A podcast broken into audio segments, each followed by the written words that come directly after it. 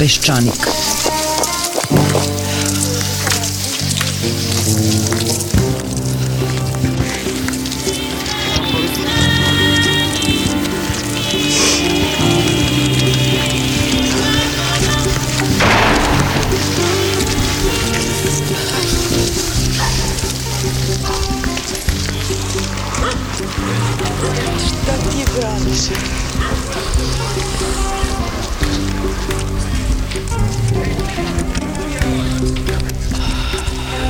Peščanik.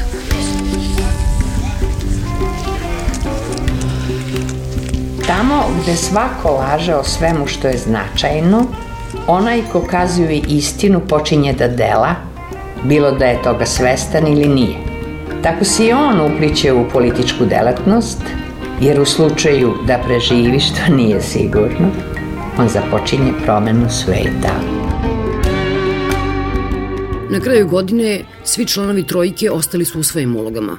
Tomislav Nikolić neće ni da čuje za one koji su mu vredili otačbinu. Otkazao je trilateralni sastanak zakazan za decembar u Beogradu sa ministrima spoljnih poslova Bosne i Hercegovine i Turske i to naravno zbog onog Erdoganovog prisvajanja Kosova. Ivica Dačić sitno, sitno kaluđerski spinuje priče o Nemcima i Britancima koji hoće da mu odlože datum početka pregovora i to ni manje ni više nego za 30 dana. A prvi potpredsednik vlade, posle kraćeg oporavka od euforije koja ga je držala mesecima, nasmejan je dočekao prijatelja šejka na Beogradskom aerodromu. Doduše, ne onog šejka koga je najavio predsednik koji je izgleda pobrkao oca i sina i svetog duha. Juče nije bilo srećnijeg lica u Srbiji od Vučićevog, kao da je video Deda Mraza. A u džaku se ne zna kojih sve darova nije bilo, osim naravno kredita, čipova, delova za Boeing, delova za Airbus, kanala za navodnjavanje, Beograd na vodi, Koponik na snegu. Vučić nas je pred šejkom upozorio da ako kojim slučajem svih tih stvari ne bude, bit ćemo krivi isključivo mi, jer smo nesposobni, nepismeni i lenji da pišemo projekte, a šejk bez projekata ništa ne daje. Sada su na redu rektori, dekani i profesori univerziteta da pod hitno prave decu koje će umeti da pišu projekte i iskoriste njegovo prijateljstvo sa šejkom. Regenerisani i razdragani Vučić nam je usput saopštio i da je on taj koji nije dozvolio da se MMF-u popušta, odnosno da se dozvoli zamrzavanje penzija. Siguran je takođe da će voždovčani na izborima umeti da cene njegove nadljudske napore i da je skoro siguran da će u januaru početi pregovori sa Evropskom unijom. To licitiranje sa datum postaje već budalasto. Kao što je rekla jedna od poslanica Bundestaga zadužena za nas, ljudi, mi u decembru kitimo jelku i čekamo novu godinu. Istina je, ne može se sve odjednom i jelka i pregovori. A jasno je da u stvari mi hoćemo da poglavlje 35 o normalizaciji odnosa sa susedima, to jest Kosovom, ne utiče na ostala poglavlja. Hoćemo da 35 bude samo 35, a oni hoće da svakom poglavlju dodaju i to 35. I jasno je svima da će tako i biti. Da li, kao što nam se namiguju ovih dana, postoji suštinska razlika između članice Evropske unije o datumu i uslovima početka pregovora, govori Vladimir Gligorov. Nema nikakvih posebnih razmimilaženja. Opet, valja uvek imati u vidu da to nije država, to je skup država to usaglašavanje traje. A onda Nemačka ima poseban položaj i ulogu zbog toga što su na neki način njene obaveze mnogo veće nego obaveze drugih zemalja, tako da Nemačka vodi mnogo više računa o tome ko i kada i pod kojim uslovima šta uradi u Evropskoj uniji, u krajnjoj stanci to je jedna od tih zemalja koji su kreditori i koji su neto poreski obveznici. Nemačka daje neto, ne vraća se to njoj. Tako da to znači da onda njihove ministarstva i tako dalje moraju o tome više da vode računa, plus ima taj faktor da su oni u ovom konkretnom slučaju značajno angažovani na Kosovu, pre svega i u stvarima gde oni nisu baš naročito, da tako kažem, sigurni, jer Nemačka je veoma pacifistička zemlja, tamo ima u stvari vojnike i ta stvar je dosta za njih delikatna. Evo da se sve to uzme u obzir i u svim drugim pitanjima, bankarska unija, fiskalna politika i tako dalje, to je proces usaglašavanja traje. U ovom konkretnom slučaju nema neke posebne nedoumice oko čitave te stvari. Od početka je bilo jasno, kad kažem od početka, to znači od, kad su počeli ti pregovori, pa onda briselski sporazum i tako dalje. Jasno je i sa tehničke strane gledano da to ne može da drugčija se završi nego da se odluka donese najranije sada u decembru. Oni imaju te redovne sastanke, to je sada. I onda, s obzirom na to da se to održava pred e, Božić, to pre kraja januara tehnički nije moguće. To ste mogli da predvidite i pre 10 godina, nema tu ničega posebnog. E sad, vi imate opet tu nenaviknutost da taj proces kao jedan ugovoran proces, on je predmet nadzora obe strane, jel, pa i Evropske unije. Znači, stalno se vrši nadzor nad tim da li ono što su preuzete obveze, da li se one sprovode, jel, ovde se to zove ucenom. I onda nisu sve zemlje identično zainteresovane, niti upućene, niti troše isti stepen ni vremena, ni resursa da bi u ovoj stvari najveći broj članica Europske unije praktično se time ne bavi, budu pitani njihovi ministri spoljnih poslova, ambasadori, onda oni kažu, ali to nije zbog toga što su oni nešto debelo upućeni u tu stvar. I onda dobijete te konstantne izjave, ne znam, Slovačka rekla, mi smo za to da se evo, Srbija odmah bude primljena, onda ne znam, Portugal rekao, Srbija je mestio i tako dalje, ali dobijete te neke koje ne znače ništa, jer te se zemlje u time vrlo malo bave. Kad pitate Nemce, onda to izgleda drugčije. Zašto? Zato što oni na tome rade dnevno. I onda oni kažu jeste, ali treba da se uradi još to. I onda sad iz toga ovde naravno možete da stvorite čitavu jednu teoriju zavere i ne vidim nikakvog posebnog razloga zašto se taj početni skup ne bi odigrao krajem e, januara. Evropska unija može i da napravi taj gest ako se smatra da bi to zemlji ili ovaj nešto značilo, pa da to bude ranije nego što ste očekivali. Sadržinski to ne može da se menja. Tu nema ničeg posebno ni važno, ni dramatično, niti ima potrebe baviti se tim eventualnim tračevima ili spletkariti na tu temu, ničeg tu posebno nema vi imate konkurenciju i u normalnim parlamentarnim državama, ali mesta se često ne dele nego jednom u četiri godine i onda umeđu vremenu svako gleda da se što je bolje pozicionira, ali kroz četiri godine, ne za sutra. Ovde je to malo ubrzanije jer svaki čas Sad je Beograd, sutra Vojvodina, pre toga republički izbori, pa onda rekonstrukcija, pa direktorska mesta i tako dalje. Pored toga vi vidite da ako predsjednik države jedno vreme ćuti, pogotovo što ono što je pokušao da radi oko one platforme nije prošlo, onda on naravno mora u nekom trenutku da gleda kako da se vrati na scenu, jer u krajnjoj stanciji zašto bi on inače to sve radio što radi, jer što bi bio predsednik. Druga je sad stvar što su okolnosti takve da vi nemate bilo koga od njih da kaže da je postigao neki naročito veliki uspeh, pa da sad onda se drugima ne isplati da gledaju da konkurišu za šta god da je u pitanju, ali niti možete da kažete da je vlada nešto postigla.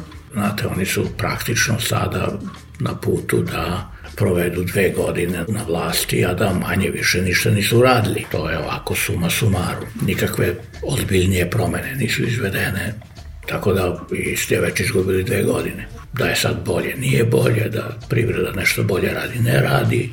Onda kad gledate ovo na međunarodnom e, planu, dobro, taj briselski sporazum, on je naravno velika stvar u smislu te normalizacije, ali to je jednom urađeno i sad na tome previše ne može da se ponovo nešto dobije.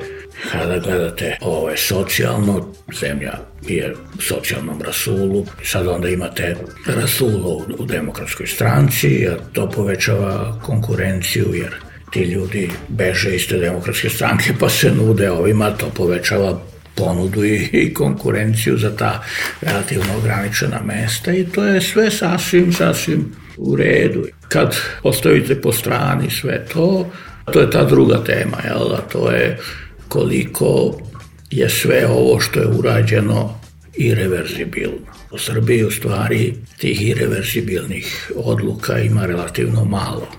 I mi stalno razmišljamo je li taj briselski sporazum konačan ili nije i kad će biti konačan, da li kad počnu pregovori ili kad predsjednik države ode u Rusiju ili već kad ruski ambasador reši da nešto kaže što onda se čini da se može tumačiti kao da u stvari su moguće i druge alternative, kao da Rusija nudi nešto da preuzme odgovornost. Da vidite vi ove ljude koji odmah počnu da igraju na tu kartu, da misle da u stvari hoće Rusi sada da tu praktično ulože pare, može da se ispostavi da oni to sve rade samo zato da bi se potpisao ugovor o južnom toku i onda se cela ta stvar na tome i završi. Ja ne vidim zašto bi oni nešto više preduzimali. Da im je to bilo toliko važno, oni bi radili na rušenju tog brislavskog sporazuma, odnosno da do njega uopšte ne dođe. Pošto to nisu radili, šta bi sad Znači, vi vidite da je to u vezi sa njihovim sasvim konkretnim interesima, u vezi sa gasovodom, jeli?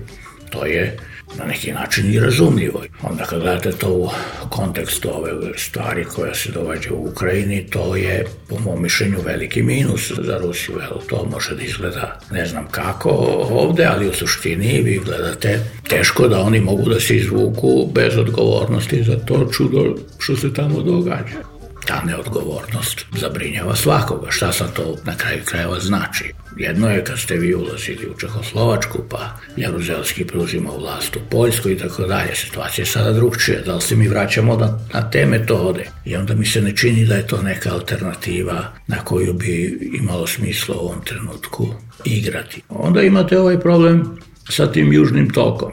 Opet ako čitate ovde, to delimično dolazi i od ovih savjetnika oko predsjednika Nikolića. Oni to gledaju kao geostratešku stvar, jel to je Voja Koštunica to tako vidi. Evropska unija protiv Rusije, pa sad gde smo mi tu i onda je ugrožen taj južni tok jer se boji Evropska unija da će time da se širi politički uticaj Rusije.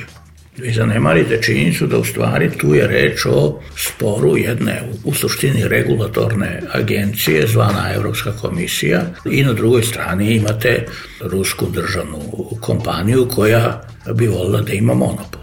I sad imate spor koji je prilično banalan. Evropska komisija misli o interesima potrošača, između oslog i srpskih, jer bi htela da svako može da pristupi tom gasovodu da bi mogla da bude konkurencija pa da potrošač dobije i pojeftinije i bolje i već tako, jel? Ne samo potrošač, nego da i drugi ljudi mogu da zarade, ne samo jedni. Onda imate ovi, ko, ovi koji kažu ne, to je naše, pa ćemo samo mi tu da radimo. Imate ovi, negde sam pročitao, kaže, a što ako oni hoće, ne grade sobstveni gasovod, jel?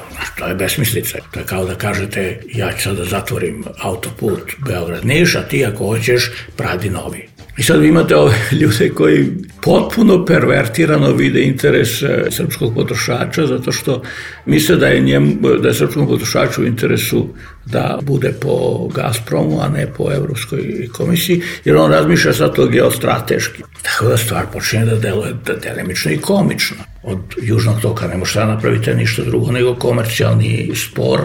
Tako da mislim da ta priča je promašena. E sad, u okolnostima u kojima bi moglo da bude, da sledeća godina ne bude ekonomski baš najbolja, dome dodate tu političku konkurenciju koja će se intenzivirati kad dodate svu tu socijalnu i prema tome političku nestabilnost koja je neminovna, vi možete u tim okolnostima da dobijete razne ishode. Može da bude nešto i što bi moglo da bude beskrajno rđavo, ali ja stalno ponavljam. Mi smo imali mnogo bolju situaciju 80. godina sa mnogo boljim ljudima, govorim po kvalitetu, ne moralu, Imali smo i međunarodnu situaciju koja je bila neverovatno velikoj meri povoljna za Jugoslaviju.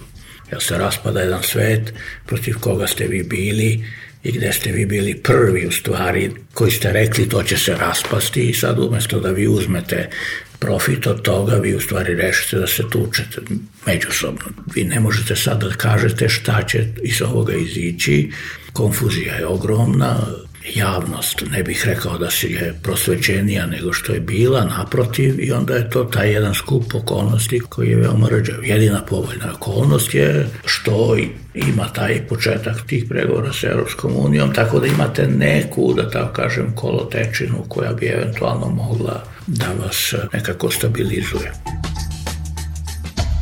Ovo što ste mogli da čujete o nagoveštaje novog budžeta i kako vama to izgleda? Pa znate šta, oni su krenuli tako i godina ranije, jel? imali ste tu neku ideju da će oni da dovedu te financije u red. Čak je i retorika bila manje više ista, sećate se, Dinkić je govorio, izbjegli smo bankrotstvo, jel? kako je on ušao u kancelariju, pogledao knjige, rekao ovako ćemo mi raditi i stvar je bila rešena. Uglavnom od toga što su oni nameravali se i odustalo, pa kad se videlo da stvari ne funkcionišu, onda su pokušali, ali onda su ga izbacili iz vlade. Ovde je tako slično sada. Oni su krenuli sa tim nekim dosta ambicioznim idejama o tome kako će da dovedu javne financije u red, ali onda imate te probleme što ako te javne financije hoćete da dovedete u red, to znači treba da smanjite tu javnu potrošnju značajno. Ako to uradite, onda ulazite u recesiju, pa onda je pitanje koliko je ona duboka i to onda postaje rizično. I onda su oni praktično polako odustajali od svega toga, tako da ste sad dobili jedan budžet koji minimalno liči na ono sa čim se krenulo, praktično se on sveo na povećanje poreza sve ovo drugo se najavljuje, ukidanje subvencije i tako dalje, od toga da izgleda nema ništa, se marginalno onda se govori o drugim uštedama, uglavnom se to svodi kao i ranije na zamrzavanje plata i penzija, to se pokazalo, bar kad su plate u pitanju, kao neefikasno, sad smo dobili tu neku dodatnu ideju da se ne zapošljavaju novi semako. Ovo tu se već sad traže, nalaze izuzeci, pa se to neće odnositi na ove, neće se odnositi na one, što je i normalno, ne možete vi sad, šta znači zamrznuti, to je verovatno najgrublja mera koja vam može pasti na pamet, jel? Umre čovek, neko mora da ga, i ovaj, sad kažete ako neko treba da umre da bi neko dobio posla, znači vi sad treba da dajete kako da nekoga, ovaj, znate, to je prosto smešno, jel, šta će vam to, vi bi trebali verovatno smanjite pola toga što tu radi, da to negde drugde radi, a da primite neke koji zaista mogu da rade kako valje. Znači vi imate jedan drugi problem, ne da zamrznete, to ne znači ništa. Ali pošto oni ne mogu drugčije, da imate to, pa onda tražite izuzetke, isto tako i sa platama će biti, bar uvek je tako bilo, već zamrznite plate, ali onda neko neće za vas da radi, onda vi kažete dobro, ali dalje da nađemo neki drugi način, pa će biti bonus ili rad preko vremena ili ovako nešto. Tako da biste vi mogli da održite to. To su najgrublje mere. Zamrzni plate, zamrzni zaposlenost. To je kao da kažete ja prosto ne znam bolje ili ja ne mogu bolje. Tako da to je na tom nivou i isto tako porezi. Na kraju krajeva država je vlast, može da donese odluku da namakne poreze i prema tome tu nema šta. To je gruba primjena sile. Ne kažem da oni nisu potrebni, ali to je ono što najjednostavnije možete da obavite, to ste uradili. I onda se javljaju te ideje da će možda da da neko jedan džabe kredit, Svetska banka da nešto, šejk da da nešto, Rusi da da...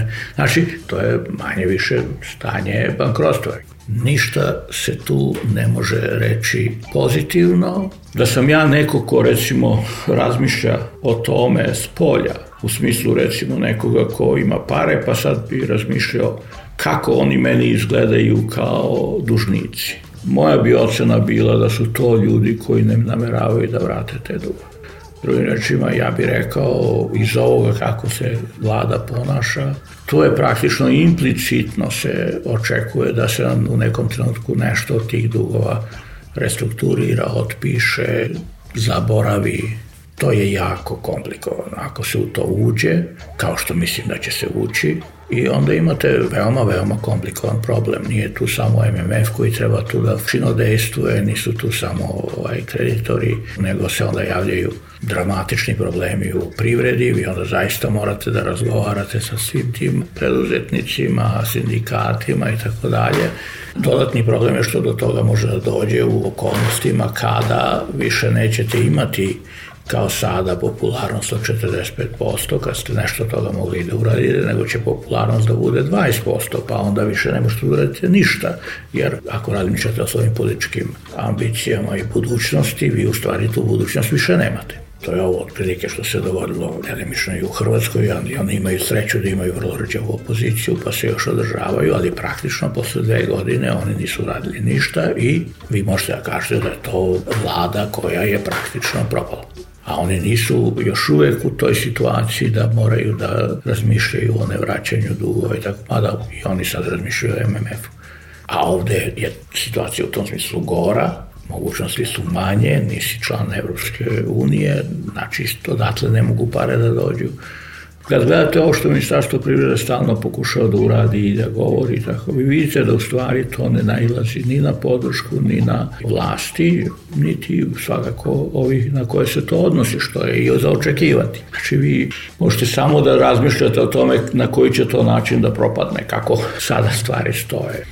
I sad se oni nadaju da će od nekog da dođu investicije i onda jedni kažu južni tok će zaposliti. Prvo je bilo 50.000, pa 100.000, sad vidim posljednja cifra 150.000 ljudi. Dobro, svi će da žive od južnog toka u redu, država nema para, privatni sektor nema para, domaćinstva nemaju para, znači nema ko da troši, ko nema ko da troši, nema ni rašta da se proizvodi. A da prodajete napolje, nemate šta, jer to ne znate još uvek. U tom smislu ja ne bih rekao da se tu nešto specijalno menja, retorika je drugčija, to je u redu. Ja sam bio prvo vrlo pozitivan prema toj retorici, mislio sam da će iz toga nešto i da Ovako, vi imate tu političku konkurenciju, nekome smeta što je Vučić suviše popularan, nekome opet smeta što on suviše je uticajan u partiji, a njemu opet smeta što ne kontroliše celu partiju. To jesu sve normalne stvari, to se u politici normalno događa, ali to mora imati neku svrhu. U nekom kontekstu se to događa, ne u tom kontekstu da se osim toga ništa drugo ne događa. Cela stvar propada, a vi se sad tu oko toga, hoće da ima veći uticaj ili ugled ili ne znam šta polako sve to što se radi postaje privremeno. Tako da vi sad imate privremeno veče u Beogradu, Fiova vlada je od početka nekako privremena, bit će izbora, neće biti izbora, ovde će biti izbora, neće biti izbora, ne znate ni ko će da se kandiduje za gradonačelnika od te nove strukture. Tako da polako ta stvar počinje da biva privremena trajno i onda vi naravno u tim okolnostima ne možete da budete ni previše ambiciozni, suviše trošite energiju na ove druge stvari. Pored toga oni dosta toga i što bi trebalo da kontrolišu i ne kontrolišu kako valja. Pre svega zato što i ne znaju šta hoće. Uzmite ovo sa Vojvodinom. Šta u stvari se tu hoće? U redu, ukinuli ste tu autonomiju odavno, u suštini, jel, ovo sve drugo je priča za malo decu, nema tu u stvari nikakve autonomije. Niti oni imaju sobstvene izvore prihoda, niti mogu da donose neke propise i to smeta. Vi vidite da to društvo na vlasti nema u stvari program, ne zna šta hoće sa tom stvari, ne zna šta hoće sa nekim drugim stvarima. Evo, uzmite taj odnos prema svim tim privrednim reformama u stvari osim ministra privrede niko ništa ne govori.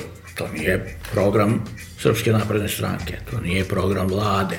Čiji je to tačno program? Svi oni, ako uspe, mi ćemo, ako ne uspe, mislim, ali tako to ne može. Ti si vlast. Jer vi nemate utisak da oni imaju odgovore na bilo šta od svega toga. Uzmite ovaj spor sa Srbija gasom. To je veća vlast od same vlasti. To ne bi moglo ukoliko bi vlada zaista imala tačno jasan stav oko Srbija gasa. To je njena kompanija. Oni su vlasnici. Da su složni, stvar se završava do 24 sata. Nema to šta da se priča. Međutim, to tako ne ide. I onda kreću se te spletke, priče, ko šta govori napolje, ko izdaje, ko ne izdaje. Mislim, to su budalaštine, jel? Znači ti vi imate jednu vladu ili jednu vlast koja nema program, nema odgovor na sve te stvari. Sad taj, znate, elan sa kojim se dolazi, ja se sećam odmah posle 2000. godine nešto bili organizovali u gradskoj skupštini i eto i mene poslali, pa ja sam i bio, jel? I onda svi jako razdragani i svi puni elana. Ja kažem, ljudi, vi ste bezrazložno radosni. Vi ste vidjeli odmah tada, jedan vuče na jednu stranu, drugi na drugu stranu. Sećate se, prvi problem je bio Pazite, vi imate revoluciju i sad pitanje je da li da se smeni šef tajne službe. I sad lideri opozicije se spore oko toga. Ja se mislim, pa dobro, prvi čovek koji se smenjuje je šef tajne policije, ako izlaziš iz političkog sistema. U kom smislu je sad to sporno? I to niste mogli da isterate ne znam koliko dugo. I sad do dana današnjeg je taj problem. Znate, koalicija sedne pa kaže, jel, mi sad preuzimamo vlast i naš odgovor za to, to, to, to i to je to. Ništa od toga nema. I onda priznate da ništa od toga nema kroz nekakvu rekonstrukciju vlade, gde će kao da dođu bolji ljudi. Dobro, to je u redu, ali suština priče je šta će oni da rade. Ne da li su oni bolji, da li je neko studirao na nekom dobrom univerzitetu. To ne znači ništa. To je u lepo i u redu je, ali politički on treba da zna šta treba da radi, kolika su mu ovlašćenja, Ničeg od toga nema onda naravno ne mogu da budu ne znam kakvi rezultati.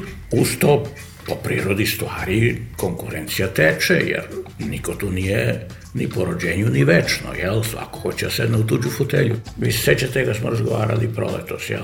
Ja sam tada govorio da oni da, ako znaju šta hoće da urade, mogu da dobiju 8 godina ovako, jer vi ste mogli da imate vanredne izbore, siđete sa programom privrednih reformi je evropskih integracija, dobijete mandat, dobijete vladu i onda krenete da to radite. Onda kroz četiri godine završite te pregovore ili delimično pregovore sa Europskom unijom, očistite tu štalu, dovedete to na nekakav red, dobro, zemlja siromašna, ali to je tako, i onda kroz sledeće četiri godine nešto i uradite do kraja, pa onda na kraju i posle uđete u Evropsku uniju, možete da kažete da ste nešto uradili imate nekako društvo, imate neku institucije, imate nekakvu privredu, imate neke preduzetnike, zna se ko je u kakvom odnosu, imate neku međunarodnu poziciju. Skinuli ste sad dnevnog reda ove stogodišnje, da tako kažem i više, teme, Bosna, Kosovo, Vojvodina i tako dalje. Stavili ste to u nekakav okvir koji je zadovoljavajući za one kojih se to tiče i to je to.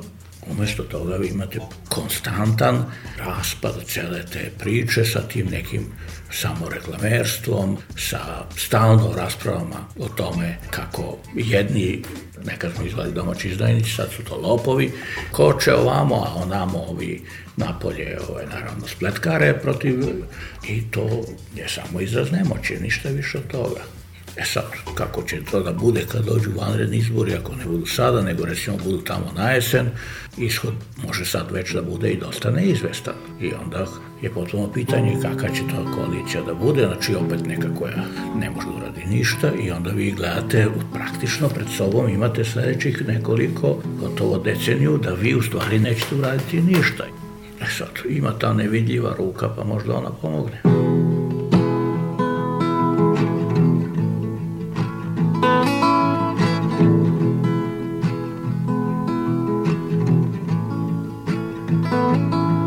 Cause I lost my job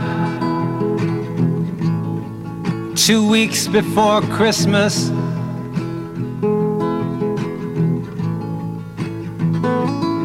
And I talked to Jesus at the sewer. And the Pope said it was none of his goddamn business. While the rain drank champagne. My Estonian archangel came and got me wasted. Cause the sweetest kiss I ever got is the one I've never tasted.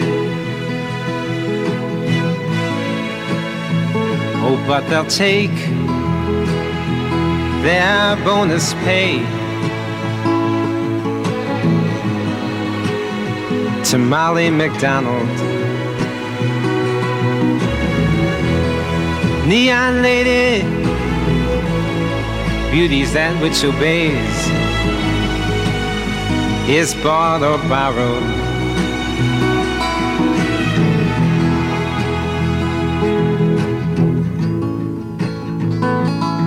Cause my heart's become a crooked hotel full of rumors.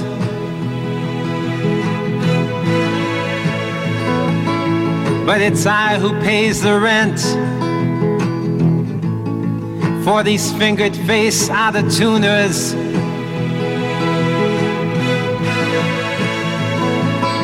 And I make 16 solid half hour friendships every evening.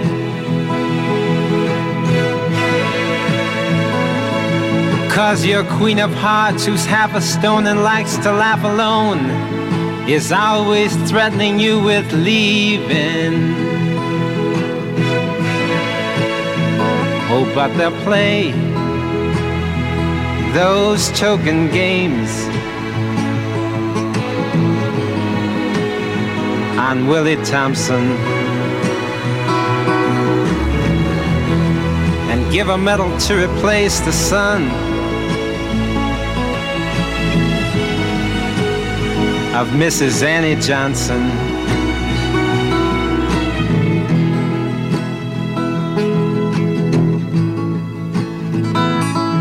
Cause they told me everybody's gotta pay their dues.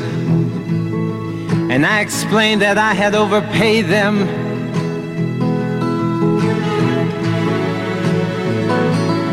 So overdue, I went to the company store.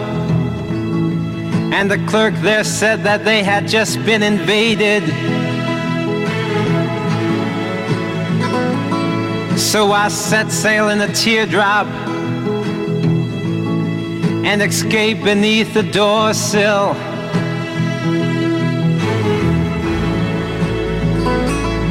Cause the smell of her perfume echoes in my head still.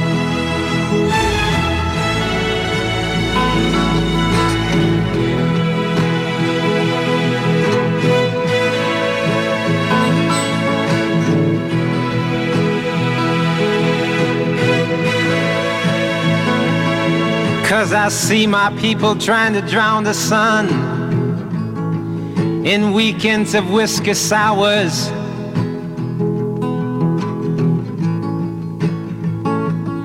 Cause how many times can you wake up in this comic book and plant flowers?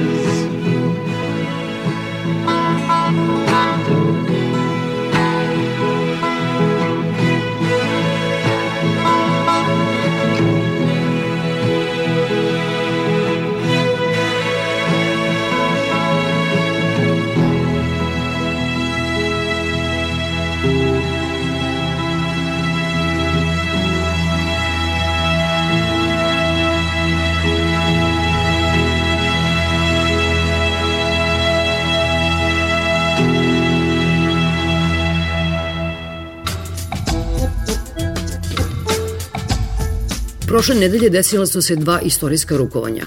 Na Mandelinoj sahrani Obama se rukovao sa Raulom Castrom, a Milo Đukanović sa našim premijerima, i to usred Beograda. Na pitanje kako to da je trebalo da prođe čitava decenija da Đukanović dođe u Beograd, odgovara Draško Đuranović, politički analitičar i profesor na Fakultetu političkih nauka u Podgorici jeste istorijski paradoks da su ga gostili ljudi koji su upravo u vremenu kada je on bio poslednji put u Beogradu bili njegovi žestoki politički protivnici i protivnici politike Zorana Đinđića. Pravo je pitanje zbog čega su gospodina Đukanovića ugostili oni koji su mu bili protivnici prije 10 godina, a zbog čega Đukanović nije bio u Beogradu u vremenu kada je kompletnu vlast držao Đinjićev nasljednik Boris Tadić, sa kojim je Demokratska partija socijalista Đukanovićeva imala jako dobre odnose i programske sličnosti. Đukanović, evo, ignorisanje, da tako kažem, dolaska u Beogradu poslednjih deseta godina bio je neki u stvari politički iskaz onoga što se zove hladni rat koji jeste bio u vrijeme Koštunice, ali se nažalost nastavio i vrijeme Tadića. Tako da mislim da to jeste neki zaokret i za to je posjeta značajno, ona nije istorijska kao što su mnogi odmah potrčali da kažu, zato što u suštini kad vi gledate šta je postignuto, potpisan je sporazum o evropskim integracijama, dakle potpisano ono što je interes obje država, ali i ono što je bilo nužno i neophodno da se potpiše ukoliko i Srbije i Crna Gora hoće u Evropu, a ove ostale sve stvari neke neka otvorena pitanja, ona su i dalje ostalo otvorena, ali kažem, ovo gledam kao neki iskaz raskida sa jednom politikom koja je nanosila štetu i Srbiji i Crnoj Gori. Da se vratimo na taj period malo Koštunicine vlade, a potom i Tadićeve vlade. Meni se činilo, čitajući e, crnogorske medije, da ljudi u Crnoj Gori, građani Crne Gore, smatraju da se Srbija svih tih godina nikako nije pomirila sa time da je Crna Gora nezavisna država? Pa moguće da je takva percepcija i moguće da je se istini za volju prije svega Koštunica teško mirio sa ishodom crnogorskog referenduma a, i radio je puno stvari prije toga da bi taj ishod bio drugačiji nego što je na kraju 21. maja 2006. se i desio. A što se tiče Tadića, to je već malo komplikovanija stvar, jer je bilo, čini mi se, sasvim prirodno očekivati da će doći do približavanja odnosa zvanične Podgorice i Beograda. Međutim, ta politika što no bi rekli, Koštunica nam je ovde iz Podgorice djelovao kao čovjek koji Crnogoru gleda kao svoju interesnu sferu. A politika Borisa Tadića je marketinški bila drugačije osmišljena i zamišljena, međutim suštinski i to nije teško dokazivo i kroz razne strategije koje je vlada Srbije usvajala, ali i kroz aktivnosti koje su Tadićevi ljudi sprovodili ovdje u Crnoj Gori i na neki način koketirali pa i organizovali u velikoj mjeri opozicijono djelovanje, odnosno dijelo opozicije u Crnoj Gori. Ta je politika Tadića, kažem, izgledalo da će biti drugačija od Koštuničine, ali ona je suštinski bila nastavak te iste politike interesne zone. I šta je bio strah u Podgorici? Da li osnovan ili neosnovan? Sad je to drugo pitanje, ali je on bio evidentan, makar kad govorimo o crnogorskim zvaničnostima i crnogorskoj vlasti. Bio je strah da ne od promjene granica. Jasno je da od referenduma da su granice nepromjenjive i da je disolucija Jugoslavije završena i na kraju sa Kosovom i tako dalje. Nego je bio strah od sindroma Republike Srpske. Dakle, da se pod uticajem Beograda u Podgorici, neću reći instalira, ali formira vlast koja bi u suštini bila praktično vlast e, koja bi nalikovala onoj Dodikovoj, dakle da više gleda u pravcu Beograda nego u pravcu svog dvorišta. To je dakle bio jedan strah koji je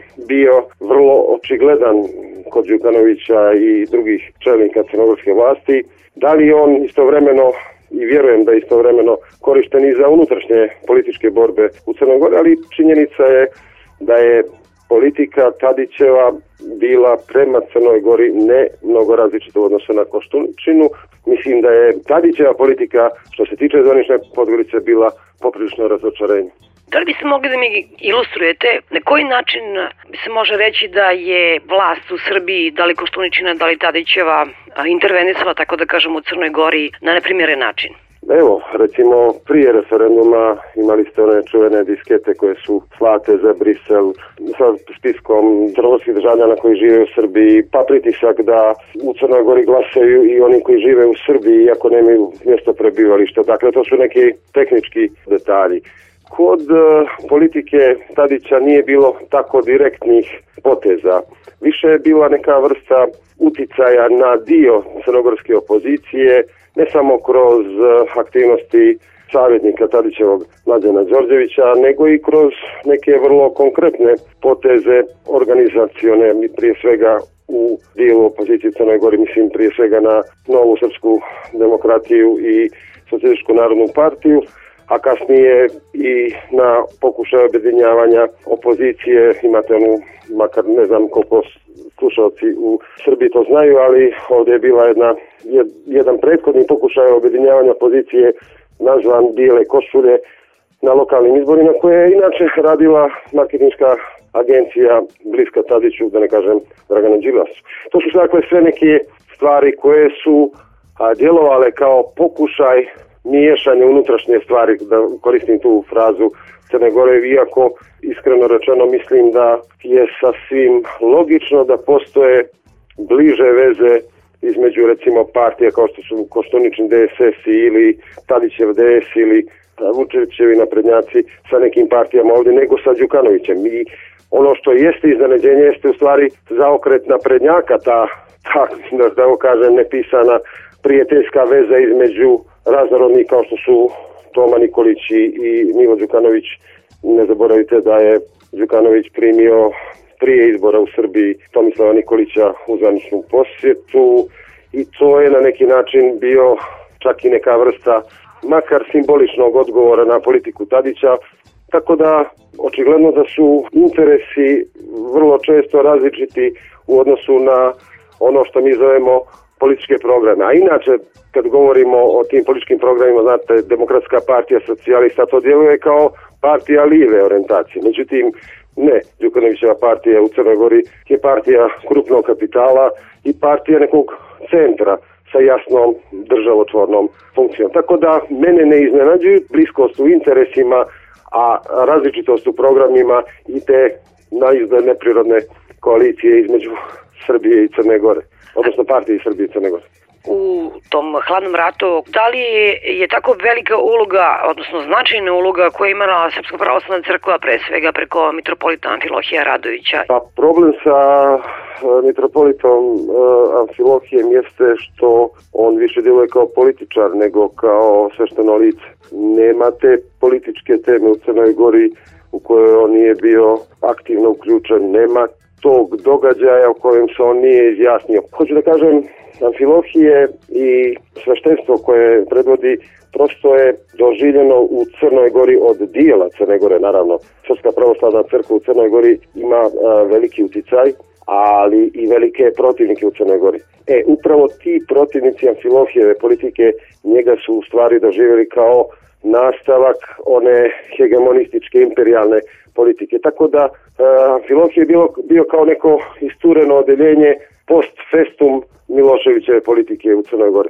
Ostao je dosljedan u sprovođenju te politike koja je nažalost dovela do onog krvog raspada Jugoslavije. On se nije praktično za Jotu promijenio. A crnogorska vlast je u proteklih 20 godina, ali u proteklih 10 godina imala isto neke faze toplo-hladno sa Srpskom pravoslavnom crkvom u skladu naravno sa svojim interesima. Ne treba zaboraviti da ni čak i u, refer, u referendumskoj kampanji Amfilohije koji je bio gorljivi zastupnik zajednice Srbije i Crne Gore nije bio previše aktivan. Poslije ćete vi vidjeti da su iza tog reči tog čutanja stojali vrlo konkretni interesi i da je veliki dio imovine koja je bila na prenešena svoje vremena na državu Crnu Goru umeđu vremenu prenešena i postala vlasništvo Srpske pravoslavne crkve. Tako da se iza svih tih velikih riječi politika krio jedan vrlo prizeman interes i vi sad kad sagledavate Amfilohijevo djelovanje posljednjih 20 godina, mora se priznati da je on uspio od jedne potpuno anemične vjerske organizacije, makar u Crnoj Gori, da napravi jednu moćnu instituciju. Dakle, Amfilohije kada je došao u Crnogoru, mislim da je ukupno bilo 120 sveštenika, danas imate 1200 sveštenika, bezbroj hramova i praktično čitavu jednu infrastrukturu koja se može upotrebiti u političke svrhe i to je Amfilohije radio, samo što mislim da je tom svojom agresivnošću više doprinio buđenju neke crnogorske nacionalne svijesti nego onome što bi trebalo da bude pokoravanje Crne Gore ili uslovno rečeno političko. I sad samo malo da skeniramo o neki od tih konkretnih problema. Recimo taj problem sa dvojnim državljanstvom. Tu se nigde maklo nije. Šta je tu u stvari problem? Pa tu je problem brojeva, velikih i malih brojeva. Dakle, Crna Gora kao mala država pokušava da ima sve restriktivno državljanstvo i ne želi da dopusti da recimo postoji veći broj državljana Crne Gore koji žive van Crne Gore nego u Crne Gori. A to bi u slučaju dobijanja dvojnog državljanstva, naravno ne bi moglo da do toga dođe, ali nekih 70-80 hiljada ljudi u Srbiji bi automatski dobili državljanstvo Crne Gore. Dakle, Crna Gora ima restriktivno državljanstvo i pokušava da ga učini još restriktivnijim. S druge strane, potpuno prirodno, Srbija kao velika država nema taj problem i dvojno državljanstvo i dobijanje dvojnog državljanstva za Srbiju, kad govorim o odnosima sa Crnom Gorom, nema nikakvih problema. E, mislim da se taj problem neće, neće prevazići, makar ne u skorije vrijeme, ukoliko ne dođe do recimo nekih promjena u izbornom zakonodavstvu Crne Gore, što bi opet postavilo pitanje da li su bi takve promjene ili sprečavanje glasanja crnogorskih državljana bilo uopšte moguće i izvodljivo. Dakle, ja ne vidim kako će se problem dvojnog državljanstva prevazići, jer mislim da Crna Gora neće odustati od ovog tvrdokornog stava i vrlo restriktivnog e, zakona o državljanstvu. Ono što po meni jeste problem koji se sad nije nije otvorio, a koji će ipak mora da se otvori, jeste ipak, bez obzira što mi govorimo stalo i tu mantru ponavljamo o Crnoj Gori kao građanskoj državi, ali definitivno položaj Srba u Crnoj Gori jeste jedno od pitanja koje će morati da se rešava. Znate kako, kroz decenije sporova stvoreno je u Crnoj Gori jedno prosto ubeđenje da i sa promjenama naravno izjašnjavanja na popisu da je pitanje Srba u Crnoj Gori političko uvezeno pitanje. Međutim ne.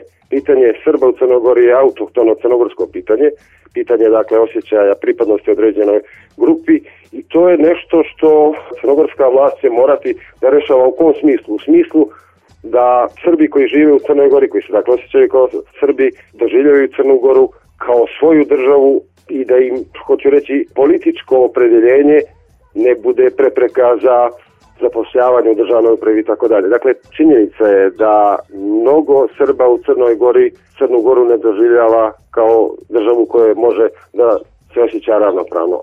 To nije dobra stvar. Ne možete za to da krivite vlast kao što mnogi po znacima navoda analitičari rade ili ne možete da krivite samo vlast. Međutim, činjenica je da problem postoji i činjenica je da problem mora da se rešava.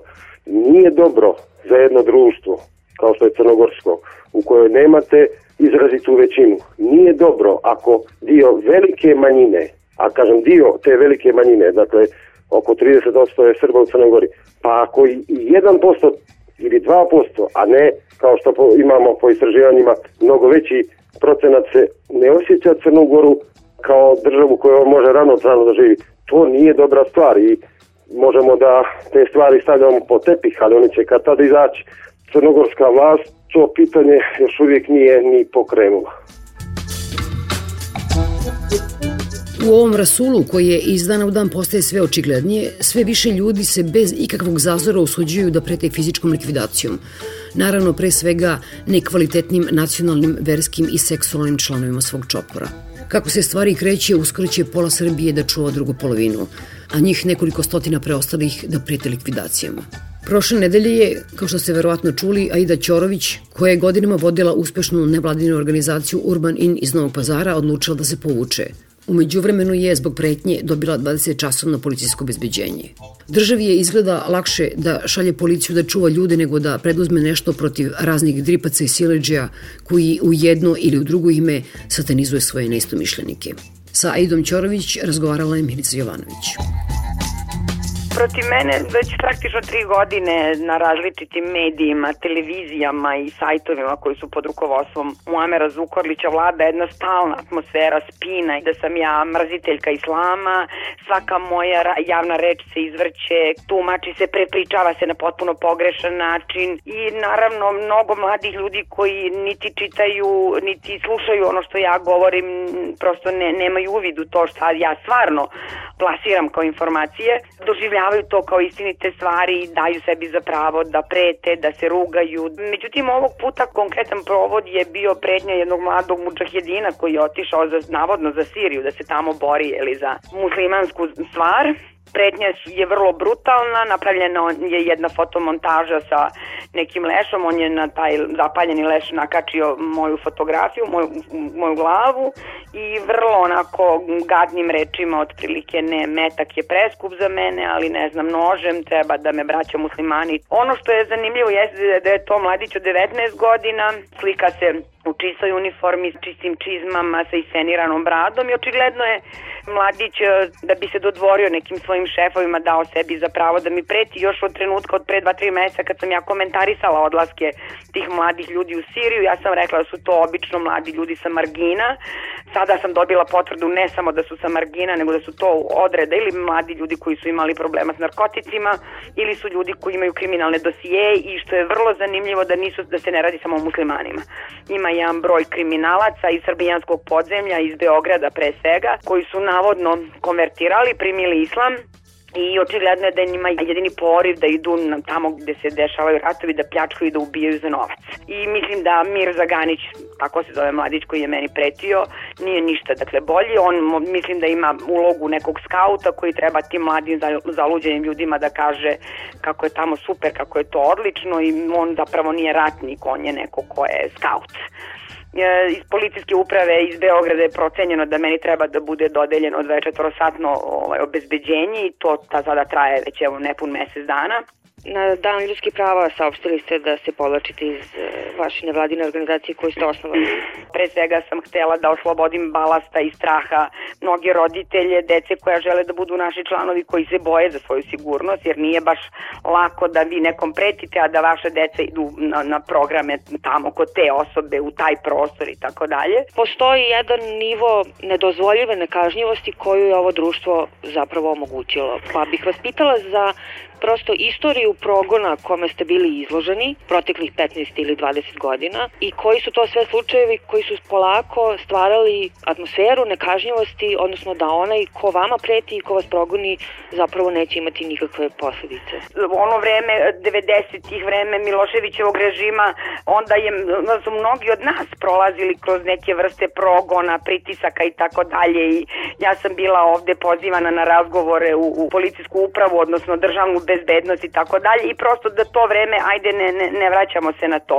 Međutim, poslednjih godina od kako imamo navodno demokratske promene, ja sam bila jako mnogo i nekoliko godina izložena stravičnim pritiscima od strane aktivista eh, tada stranke na vlasti, SDA, Sulejmana Ugljajna, stranke demokratske akcije, u vreme izbora, predizbornih kampanja nama je prećeno, deca i ja smo maltretirani u vreme kad smo lepili predizborne kampanje, gde smo prosto tokom tih kampanja samo pozivali mlade ljude i žene da glasaju ništa više, ni za koga nismo, da kažemo, zagovarali. Meni je bilo zabranjeno da uđem u zgradu lokalne uprave, opet su korišćeni svi mogući sajtovi, novine, da se moje ime oblati, da se moj privatni život e, stavi na, na najbrutalniji, najružniji, najprimitivniji, naj, najprostiji način, onako da se stavi u žižu interesovanja. Niko se nije bavio zapravo onim što ja radim i niko moj rad de facto nije dovodio u pitanje. Većina tih ljudi zapravo i ne zna šta ja tačno radim i čime se Urbanin bavi. Kad je taj, da kažemo, se na neki način malo stao ta jedna vrsta pritiska od strane SDA kad je došlo do promene vlasti, pojavila se dakle nova ličnost koja je počela ovde da muti vodu i da truje ovaj prostor i da truje mlade ljude, mislim dakle na Muamera Zukorlića. I kad sam ja počela javno da govorim o tome da on zloupotrebljava islamsku zajednicu koja je za mnoge ljude ovde najsvetija i najvažnija institucija, kad sam skretala pažnju da on sve što je vredno za islam banalizuje, obezvređuje, kada sam skrenula pažnju da, da žene koristi i zloupotrebljava u, u te neke političke spinove i za, za, za krajnje sebične političke svrhe, onda je usledio tekst u listu danas kao odgovor na moj list Marama kao politika, hijab Marama kao politika, sa opet navodnim potpisom neke žene sa opet nizom uvreda, neistina, gluposti i primitivizama. To je tada dosta, da kažem, uzbrukalo javno mnjenje i tada sam prvi put dobila ja policijsku pratnju, ali je očigledno procenjeno da je tu više bilo, da kažemo, uvreda bez namere da budem sad stvarno istinski povređen. Ovog puta ja niti sam, kao ni prošlog puta, nisam ja tražila nikakvo obezbeđenje, nikakvu zaštitu, to je procena je došla od strane ljudi koji mikrom slučaju obezbeđuju i Brankicu Stanković i koji koji prate uh, sajtove gde se oglašavaju ti navodni borci za islam.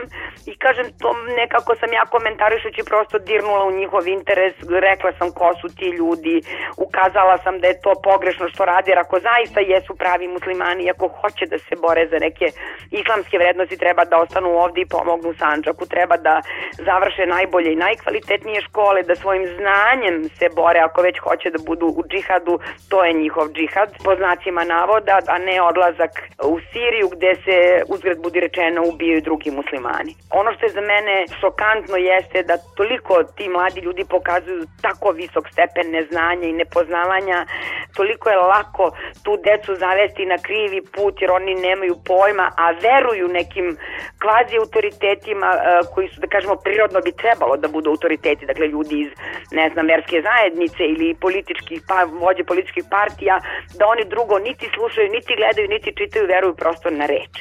Država se potpuno ignorantski odnosi prema Sanđaku, ali od te ignoracije postoji jedna mnogo tragičnija, jedna mnogo nesretnija, to je naša sobstvena samonametnuta getoizacija. Tačnije samo getoizacija. ono što jeste problem i odgovornost, stravična odgovornost, istorijska odgovornost nacionalističkih lidera i verskih lidera jeste su uspeli da nas opašu debelim zidom nepoznavanja, ne, neznanja, gluposti i primitivizma i da onda rade o tom mladom svetu šta hoće, o tome sam malo pre zapravo i govorila. I jako malo, da kažemo, zdravog vazduha, čistog vazduha uopšte može da dođe do Sanđaka. Ovde su ljudi zaista u jednom svojevrsnom getu potpuno raspamećeni siromaštvom, bezizlaznošću i onda svakakvu glupost možete da nakalemite i možete da servirate. Bio ovo Peščanik, slušali ste Vladimira Gligorova, Draška Đuranovića i Aidu Ćorović. Pozdravlja vas Svetlana Vuković i Svetlana Vukić. Doviđenja. Peščanik